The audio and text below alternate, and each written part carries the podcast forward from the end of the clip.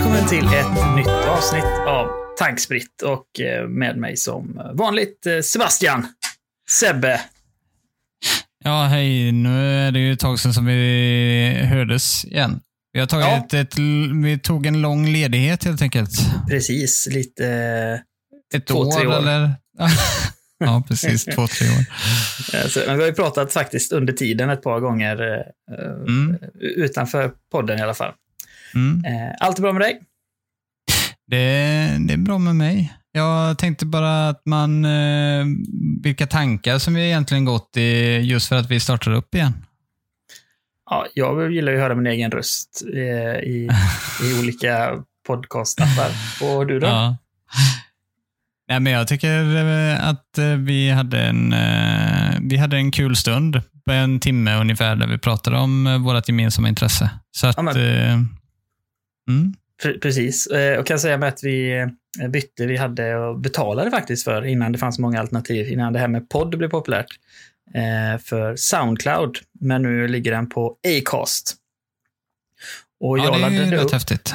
ja, det, det är skitfräckt. Jag laddade Ja. upp alla våra tidigare avsnitt, för om man inte pröjsade Soundcloud upptäckte jag häromsistens, så visar de bara i vårt fall två senaste avsnitten. Resten fanns liksom inte att få tag på. Och, Mhm. eh, men Acast, där kunde man ladda upp alltihopa, så nu ligger hela biblioteket där. Och tro det eller ej, men vi har folk som lyssnar på oss av någon anledning. Där också? Ja, precis. Och vi finns inte hos Soundcloud eh, alls, så att eh, jag gjorde, jag tror vi hade 14 eller 15 avsnitt som jag plockade in då på Acast. Och Ja. kollar man på statistiken där så, så är det eh, några stackare som eh, tycker om att lyssna på lite gamla technyheter. Ja. Jag tror, att de fortfar- jag tror ändå att eh, mycket av det som vi pratade om då är ändå relevant idag. Jag vet att en, en grej som vi tog upp var ju egentligen deepfakes. Och Ah. Det har ju kommit uppe, uppe mycket på tapeten nu det senaste. Och nu kommer jag, att- kommer jag tänka på en grej helt plötsligt. Det är ju det att eh, jag såg, såg ett eh, videoklipp på Tom Cruise som var en deepfake. Eh, Var det det Och- som Corridor Digital eh, låg bakom? Det är, ja, det är, en, det är en person som, ska se här, jag måste kolla upp här snabbt bara vad han hette. Och då kan jag bara Helt eh, oförberett det här. men, men under tiden kan jag tala om för lyssnarna, deepfakes är egentligen när man använder eh, datorer och mjukvara och artificiell intelligens för att eh, i det här fallet då eh, sätta någons, en kändis ansikte på, på en annan persons kropp och få den att röra sig och göra konstiga grejer, om man så vill. Eh, ja, precis. precis. Och det är väl egentligen den grejen som jag tänker att jag skulle äh, tänker ta upp här. Nu kan inte jag hitta honom tyvärr. det här är Men, bra. eh, ja, det är ri- riktigt bra podd här. Men, jo, där hittar jag. Miles Fisher heter han. Och Han heter det på Instagram. Ja. Och eh, den första som jag såg, eh, jag trodde ju först när jag såg eh, klippet att eh, det här, eh, alltså Tom Cruise har ju spårat ut to- totalt liksom. Jag tänker med tanke på att han är sent låg och de här grejerna. Men sen så eh, tittade jag lite närmare på det och såg då att det var eh, Miles Fisher som eh, låg bakom. Och det är en, han, han ser lite ut som Tom Cruise också. Så att ehm, Ja, ju mer Deepfake. man ser ut som, som personen i fråga man deepfakar, ju lättare blir det då för datorn. Ju Ja. fortare går det att få till en verklig eh, fake. Ja, och han, han imiterar honom sjukt bra. Så att jag kan säga, han är jävligt rolig att titta på. Så de som känner för det kan ju egentligen gå in och kolla på Miles Fisher på Instagram. Jag tror han finns på säkert en hel del andra medium också. Eh, men eh, han, eh, han har en del eh, alltså, roliga scener med Tom Cruise just. Som, som skulle kunna vara Tom Cruise faktiskt. Det blir kul ändå att det första vi gör är en callback eh, till två år tillbaka eller något sånt där och visar ändå, precis som du säger, hur relevant eh, det vi tar upp fortfarande är. Mm. Ja, för det- för det har kommit upp en debatt runt omkring de här grejerna. Att nu, det är skrämmande nu för att det kan bli så verklighetstroget. Så att man vet inte ifall personen eh, som är deepfakad, att, det är eh, på riktigt eller inte. Så Nej. att, eh, där var vi jävligt tidiga på pucken, just när eh, deepfakes kom ut. vet jag. Att vi pratade om just de här komplikationerna som skulle kunna dyka upp i, i detta. Precis. Sen har man ju också exempel där Hollywood gör deepfakes. Eh, då tänker jag framförallt på Star Wars. Det var en, en av de senare Star Wars-filmerna där min, min Star Wars-historia är inte så superbra, men mm. eh, visst sjutton använder de Lukes syster slash älskarinna eh, deepfakea henne. Hon hade väl dött efter inspelningen var klar. Ja. Och även i en tv-serie som jag tyckte var väldigt trevlig, The Mandalorian, eh, så mm. deepfakade de en yngre Luke Skywalker eh, i en av eh, scenerna där, spoiler alert. Aha, okay. Och då har folk på internet försökt att göra samma sak fast bättre. För man är fortfarande lite i det här uncanny valley när, när eh, Hollywood gör det. Alltså att man ser personen som det skall vara. Att ja, men detta är ju Sebbe. Men du ser ändå ut liksom som en lite gummiaktig och lite fel. Så, mm, så det är lite mm, läskigt. Mm. Eh, och då är det folk på YouTube, bland annat och Corridor Digital, som försöker göra detta bättre och lyckas många gånger. Och summan blir ju oftast att de blir anställda av de här rävarna. Eh, typ ja. Disney och, och vad, vad de heter. Eh, och det tror jag också vi... vi ja, nu avbryter dig. Vad tänkte du säga? Nej, nej jag, jag tänkte bara det att eh, det kommer ju nästan komma upp en typ av eh, reglering runt omkring det här. Jag kan inte tänka mig att det inte skulle kunna komma upp någon typ av reglering kring, kring deepfakes eller någon typ av eh, liksom man måste nästan koppla det till antingen till eh, någon blockkedja eller liknande som gör att du kan hitta originalet snabbt och lätt. Alltså, så att man vet ifall det här är den verkliga personen eller inte. Precis. För ifall man har liksom onda avsikter med att eh, sprida information om någon. Jag menar, jag skulle kunna ta egentligen vem som helst som har mycket selfies på sig på Instagram och så sen så lägga in den personens ansikte i en video som kanske inte är så smickrande. Och riktigt svartmåla den personen. Och det, det är, ju rätt. brottsligt liksom. Och lägger man då till någonting som jag är väldigt fascinerad av. Eh, jag studerar lite med, med artificiell intelligens. Jag skulle vilja göra en eh, en, en text till tal-AI som låter som en känd författarinna som är död sedan länge. Okay, ja. Eh, för, för hon har så härlig röst när hon läser upp. Så lägger du till röstmomentet som faktiskt finns idag med bilderna så kan du få dem att göra och säga i stort sett vad som helst via deepfake. Och du var inne på en liten grej som jag tror vi diskuterade för hundra år sedan. Och det mm. var egentligen att ursprungsmärka media i blockkedjan. Ja, ja precis på, på något sätt. Att, eh, ja men som YouTube har ju vattenstämpeln, eh, hade i alla fall. Jag vet inte om YouTube fortfarande har en vattenstämpel om du kollar på ett YouTube-klipp inbäddat. Jag tror det. Eh, jag ja, vet tänk, inte riktigt hur det funkar. Men tänk dig det fast, fast digitalt, att man kan se, eh, om man ser ett videoklipp så på något sätt så ska du kunna högerklicka på den eller någonting och få fram en kod som du kan köra mm. mot en databas och se att ja, men det här är ett korrekt klipp och det har SVT släppt eller ja. CNN eller vad det är. Och det är lite märkligt att det borde ju forskas på det. För... Men det, fin det, det, finns ju det, om man tänker nu vad NFT är idag. För NFT är ju, ja, för de som inte vet om det, så är det ju en...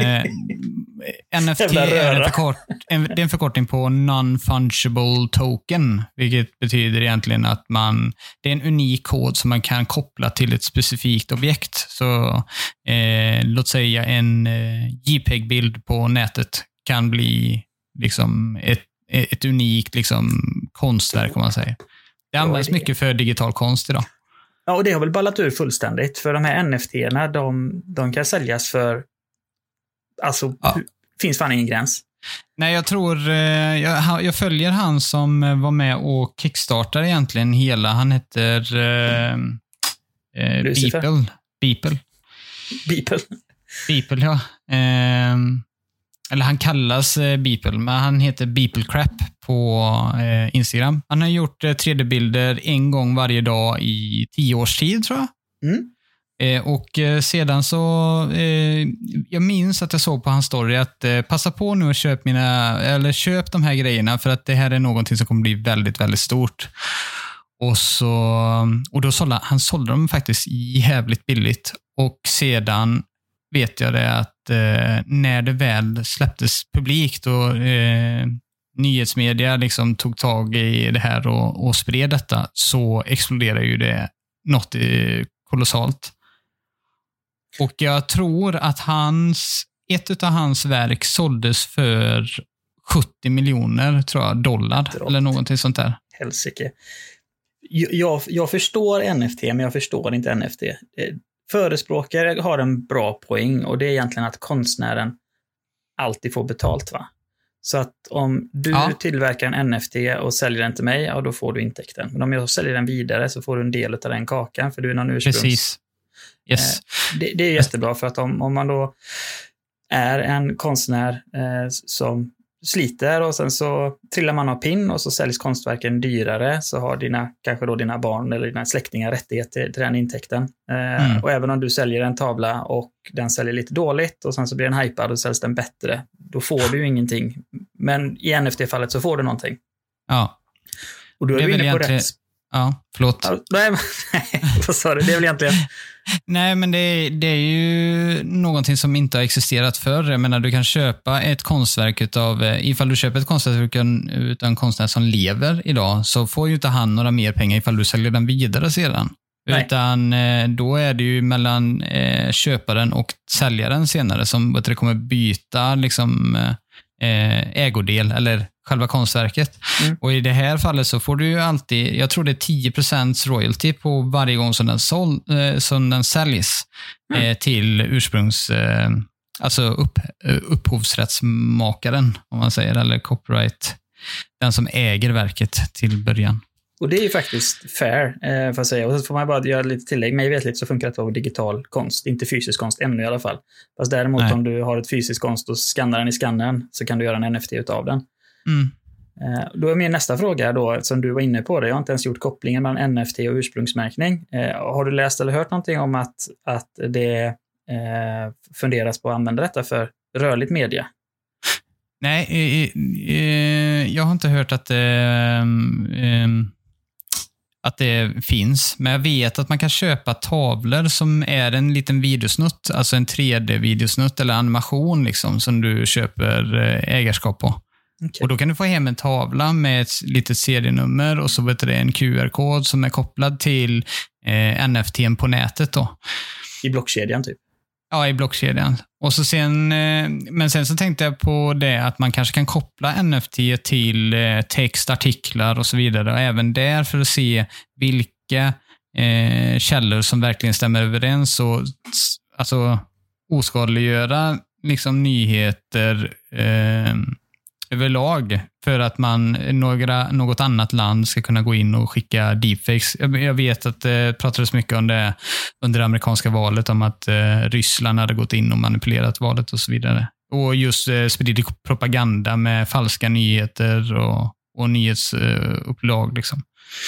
Ja, och det är ju ty tyvärr väldigt enkelt. Um, Deepfake jag lär, det tror jag inte jag löser på en kvart. Det tar några timmar att göra uppsättning på Mm. det. Men, men att halvphotoshoppa till en, en, eh, tidningsartikel, eh, Ja. det, det är ju lätt. Så där har du också en, en poäng med eh, ursprungsmärkningen. Det är Mm. lite fräckt, eh, faktiskt. En annan en affärsidé då dig, du som har så superkoll på NFT.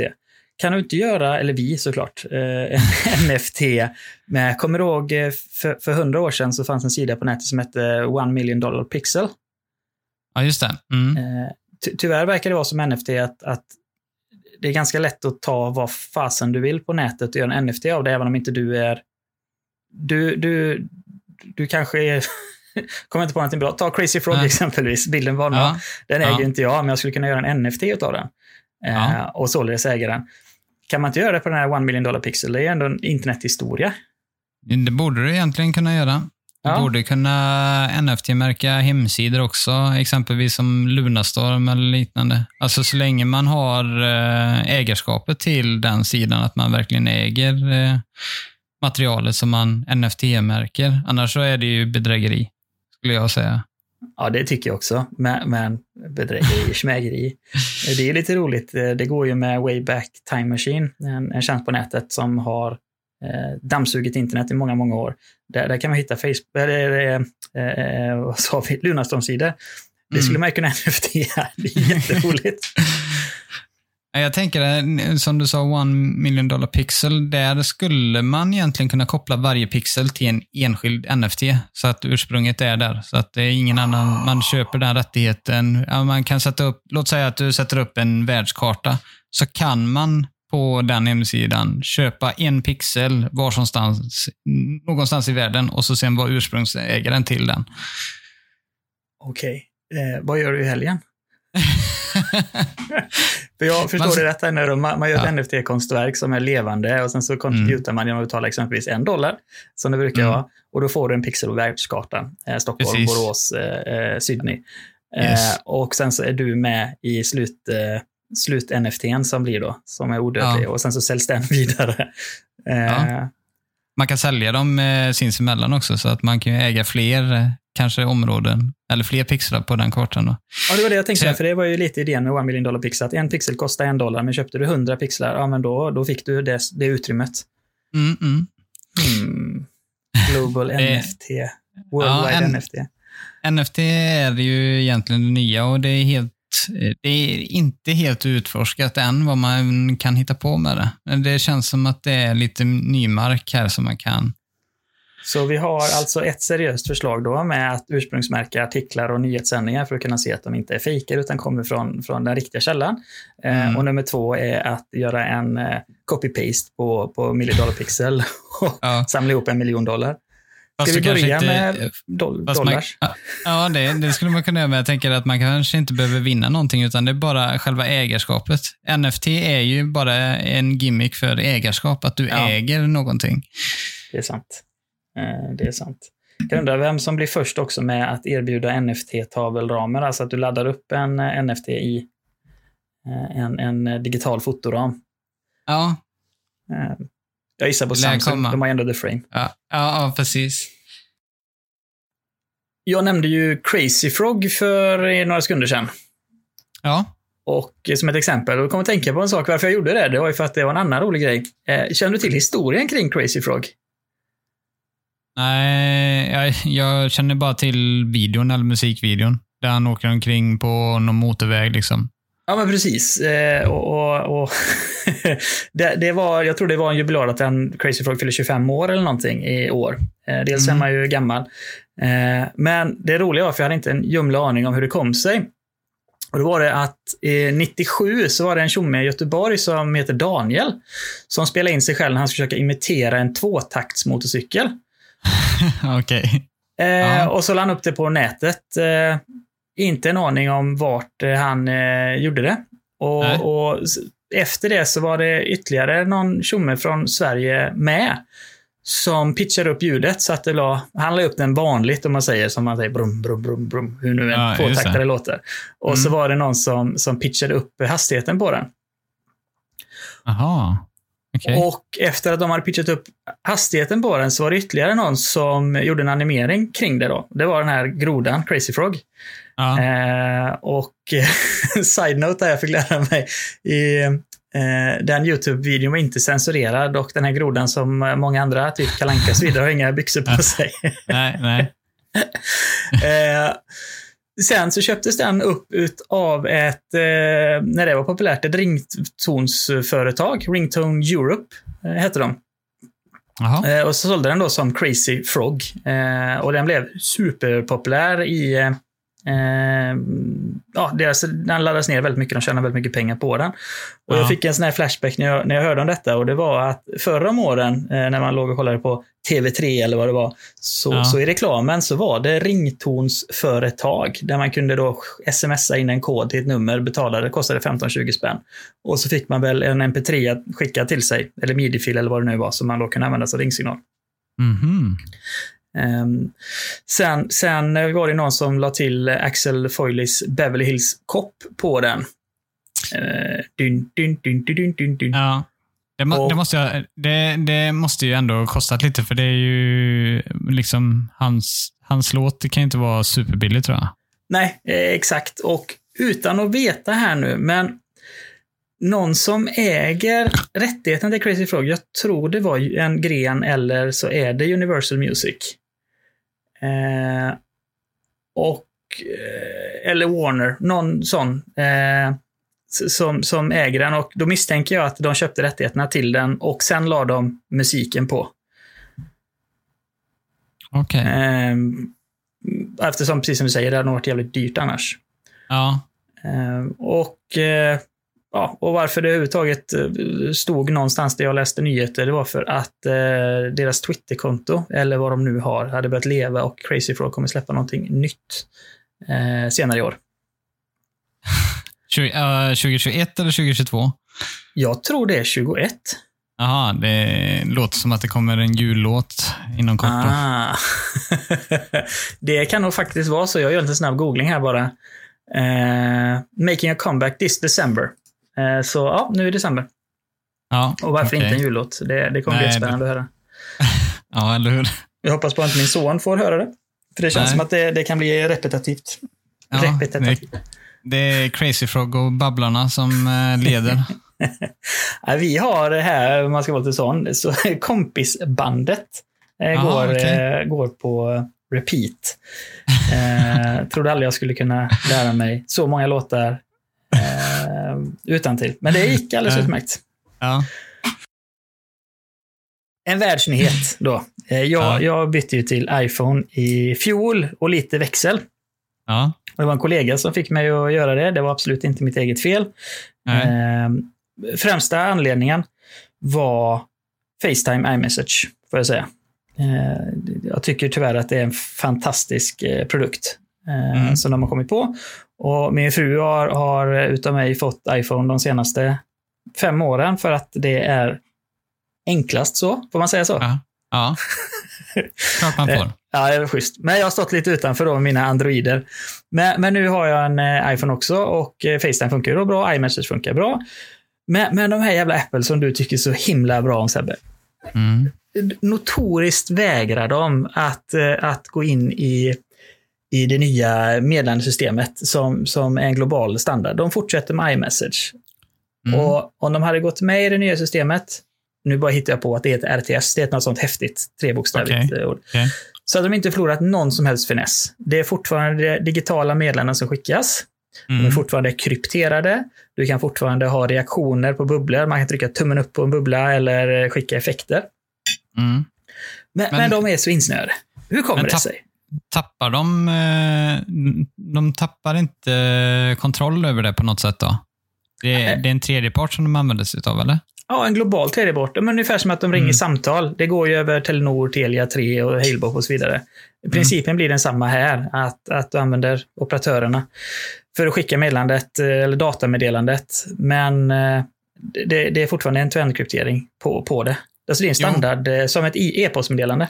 Jo, jag förstår. Jag tror ändå att de vill köra på sitt eh, race, för eftersom att de, de vet ju bäst runt omkring de här säkerhetsgrejerna. Så att jag tror att det, jag tror att det handlar om... Eh, Mm. ja, men det är, alltså iPhone är den säkraste telefonen i världen. Ja, nu kommer vi få massa reaktioner här, säger att du har fel, Säkerligen. fel, fel. Ja. Ja, Men ja, det, det, det är ju nack- nackdelen med att det är ett så pass inslutet system. Fast fördelen är ju då att det blir väldigt säkert, ja. eh, de är ju ganska flitiga med att få sina användare att uppdatera sin telefon också. För att Precis. det blir en säkerhetshål. Så. Eh, ja. Ja, och det här med uppdateringen är jag inte så förtjust i heller. Det var en annan grej som, som jag är väldigt fascinerad över på iPhone som heter genvägar på svenska och, och Siri Shortcuts på eh, Mm. engelska. Mm. Använder det dagligen, får jag säga. Eh, ja.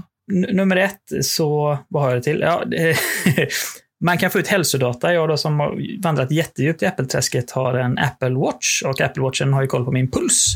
Eh, Mm. Men den har även koll på om jag sover eller vaken. Ja. Och då med genvägar så kan jag få att dels ställt in att jag ska skicka ett sms till mig själv eh, varje dag att se min puls. Mm. Och det finns ingen anledning varför den kan göra det. Eh, men sen så har jag en automatisering också som känner av om jag är awake eller sleep. Och är jag sleep så börjar huset då släcka ner. Inte mitt på dagen, men, eh, men på kvällen efter 22 typ. Ja. Det är en fräck grej. Eh, Jag har även byggt en radiomodul i genvägar som gör att jag trycker på, på, på en radioknapp och så frågar den vilken radiostation jag vill lyssna på. Det är P4 och det är Party FM och Energy och fan det. Och sen frågar den vilka högtalare jag vill lyssna på. Mm. och så utför den åt mig. Och eh, Det har gjort så att jag inte har en sån eh, smartassistent i varje rum, utan då förlitar jag mig på den, de knapptryckningarna istället. Mm. Men när de uppdaterar sina iOS-grejer så tar de bort funktionalitet. Ja, det är ju lite knasigt. Ja, visst är det knasigt och ingen varning Mm. alls eh, på det. Så, som min jättefina eh, vaken sover eh.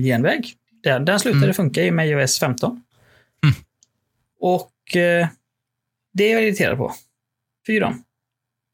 Men det måste, det är en anledning till att de gör de grejerna. För att jag tror att eh, de överväger nog väldigt mycket innan de tar bort en eh, funktion, skulle jag tro. Ja, det tror jag också. Men i det här fallet så, så finns funktionen fortfarande kvar. Alltså det, det är ungefär som att eh, du programmerar en hemsida och så står det Hello World och sen så uppdaterar du, inte 17 vet jag, någonting. Eh, och så står Mm. det inte Hello World längre. Eh, det står inget felmeddelande, ingenting. Du kan fortfarande göra allting.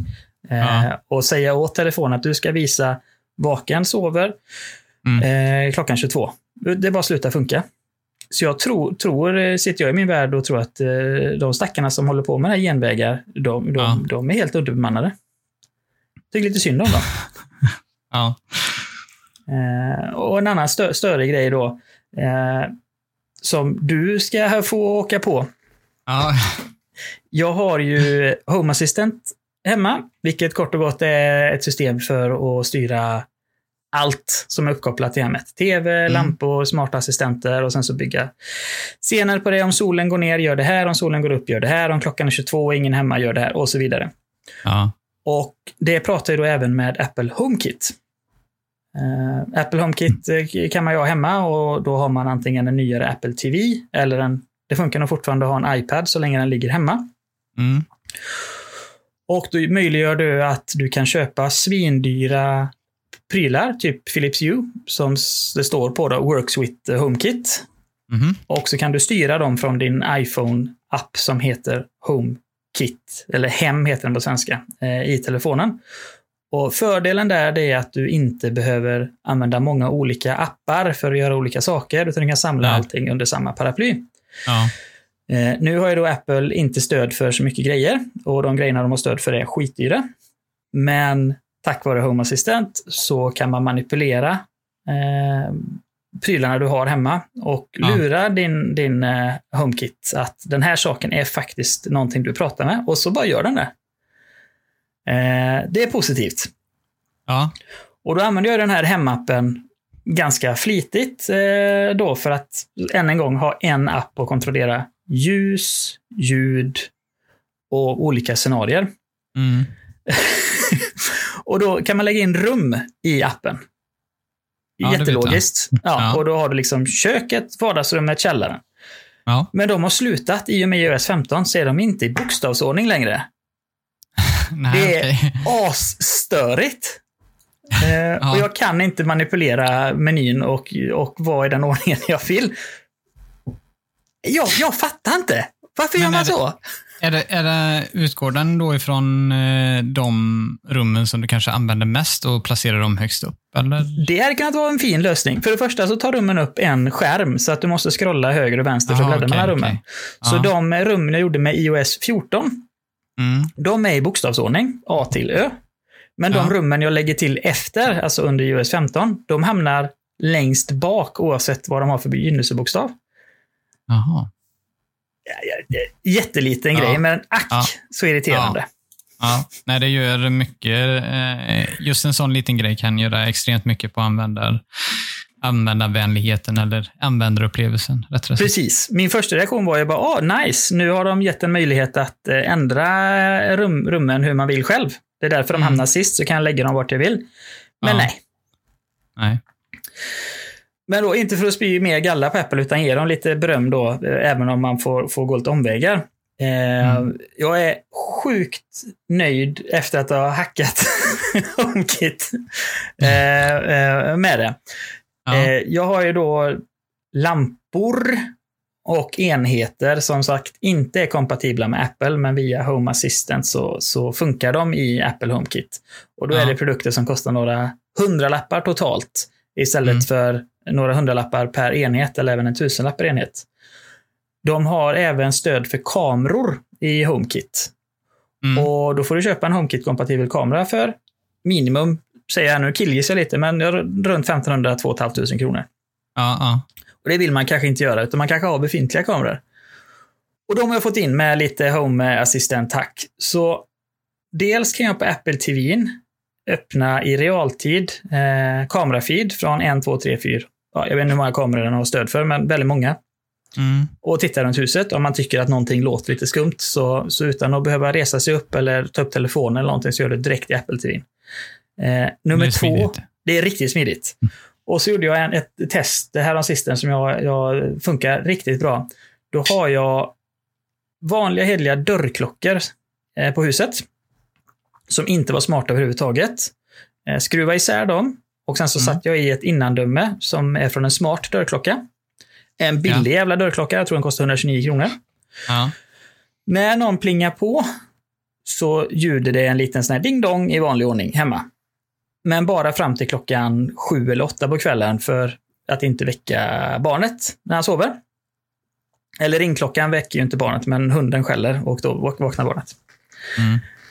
Eh, det är nummer ett. Nummer två, så har jag sagt åt Apple HomeKit att detta är ingen dörrklocka, utan detta är en rörelsesensor. Så Okej. den tror att när någon plingar på eh, ringklockan, då är det någon som rör sig någonstans. Det är en rörelsesensor som har sett någonting. Och då aktiveras kameran. Mm. Så vart jag än är på, på jorden, så länge jag har internetuppkoppling på min telefon, eller om jag sitter framför eh, Apple TV, så Mm. när någon ringer på dörren, så direkt så får jag notifikation att någon rör sig i, i det här rummet då. Eftersom den tror att det är en rörelsesensor. Och så får jag Ja, en, en live-feed på, på kamera, vem det är, eller vad det är. Mm. Och kan till och med prata med dem om kameran har inbyggd högtalare. Ja. Det är lite fräckt.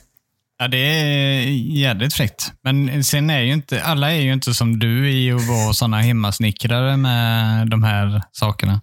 Nej, och då går det ju givetvis att och, eh, och investera i de här HomeKit-tillbehören. Ja, som är Eh. svindyra. Precis. Jag tänkte Mm. bara här för skojs skull så, så googlar jag HomeKit eh, kamera Ja. och då blev jag tillrättavisad att den billigaste kameran kostar inte mer än eh, 1700 kronor. Nej. Eh, så det var ju billigt. Så, så, Jag, Tycker jag är Ja. skitdyrt kan jag bara lägga till. Fruktansvärt jävla dyrt.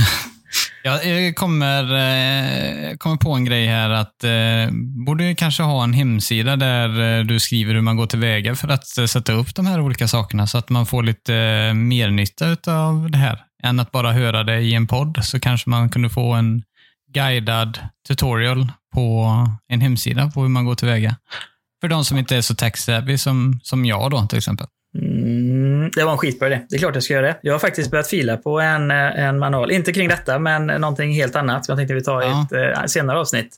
Eh, men okej, då gör jag det. Eh, då gör jag det. Men då är motkravet, eh, Sebbe, Ja, ja. får du fan köpa lite utrustning till hemmet. ja jag, ska, jag ska göra det. Du får hjälpa mig att installera dem bara. Jag ska ha Mm. lite kameror och ringklocka och det ena och det andra här. Mycket bra. Och du vill inte betala Apple-priser, du vill betala humana priser. Ja, precis. Jag är ju inte gjord av pengar. Fan vad gott. Eh, The Frame eh, 75-tumman är nedsatt, jag tror det var nästan 6 000 kronor på Elgiganten. Vad kostar den då? 17 tror jag, eller 18. Eh, ja, jag- ingenting jag skulle ge, men eh, det är en riktigt Jag gav, fräck eh, TV. Jag gav 15 för min 65-tummare för, förra året. Var det Black Friday-priser eller Black standardpriser? Friday, ja. Black Friday. Ah, nice. Ja, Den då, kostar egentligen 21, tror jag. ja, det är sex lak åt eh, rätt håll. Ja. ja. Och, och då är jag lite mer humant eh, förslag. Något som jag eh, tänker köpa till min mor. Eh, och snål Mm. som jag är så, så blir det Black Friday-köp. Och det är en, en eh, sån här Google Nest minihögtalare. Ja. Den gick för 249 spänn. Jag tror den ligger på 349 eller 399 i vanliga fall. Mm. En billig grej. Hon har hemma en sån här klockradio-grej som hon som hon lyssnar på, på radio på. Och det funkar ju jättebra. Men det kanske är kul att kunna lyssna på radio även om inte man får in den på FM-bandet och även sätta Timers kan jag hoppas kan komma till användning. Söka information, Mm. fuska i korsord. Mm. Borde Ja, ju precis. finnas lite sådana grejer tycker jag. Ja. Något Oj, annat? förresten- Ja, nej, jag såg en annan grej. Jag såg en annan, ett pangpris här för just eh, motsatsen till eh, Samsungs The Frame så finns det ju eh, LGs Gallery Design, One with the Wall. Och den är prissänkt eh, 12 000 kronor. En 55-tummare. Det var riktigt bra prissänkt på den faktiskt. Ja, det är tv man ska investera i kanske på Black Friday framför allt de eh, brukar ju sänka dem enormt mycket. Och Det är ju Black Friday och eh, under mellandagsrean. Så att eh, även fast man inte hinner med Black Friday eller att det blir slutsålt så har man mellandagsrean att falla tillbaka på. Ja, det är faktiskt eh, helt, eh, helt sant. Och förutom tv så var det, eh, det var smarta högtalare och så var det, ja det är nästan allt. Finns det ingen så här samlingssida? Prisjakt är väl duktiga på, på Black Friday-sammanfattningar. Ja, de har nog en egen sida till och med där man får med de bästa rabatterna och så. Ja, det är gott. Då ska man konsumera någonting så ska man väl göra det exakt just nu. Ja, eller vänta på mellandagsrean. Men det känns Mm. ändå som att detta har blivit så hypat eh, så det är värt att hitta någonting. Ja, Ja, det var allt då. Vi kör en kortis i, idag. Värmer upp lite. Kvaliteten kanske inte är samma som ni är vana vid, men vi är lite ringrostiga. Om man Ja. kan skylla på det. Eh, så så, Ja, vi, vi skickar på och så ser vi hur många NFT vi har gjort eh, till efter helgen. ja, det kommer bli hur många som helst. Ja. ha, det, till nästa gång då. ha det göttigt. Hej! Hej.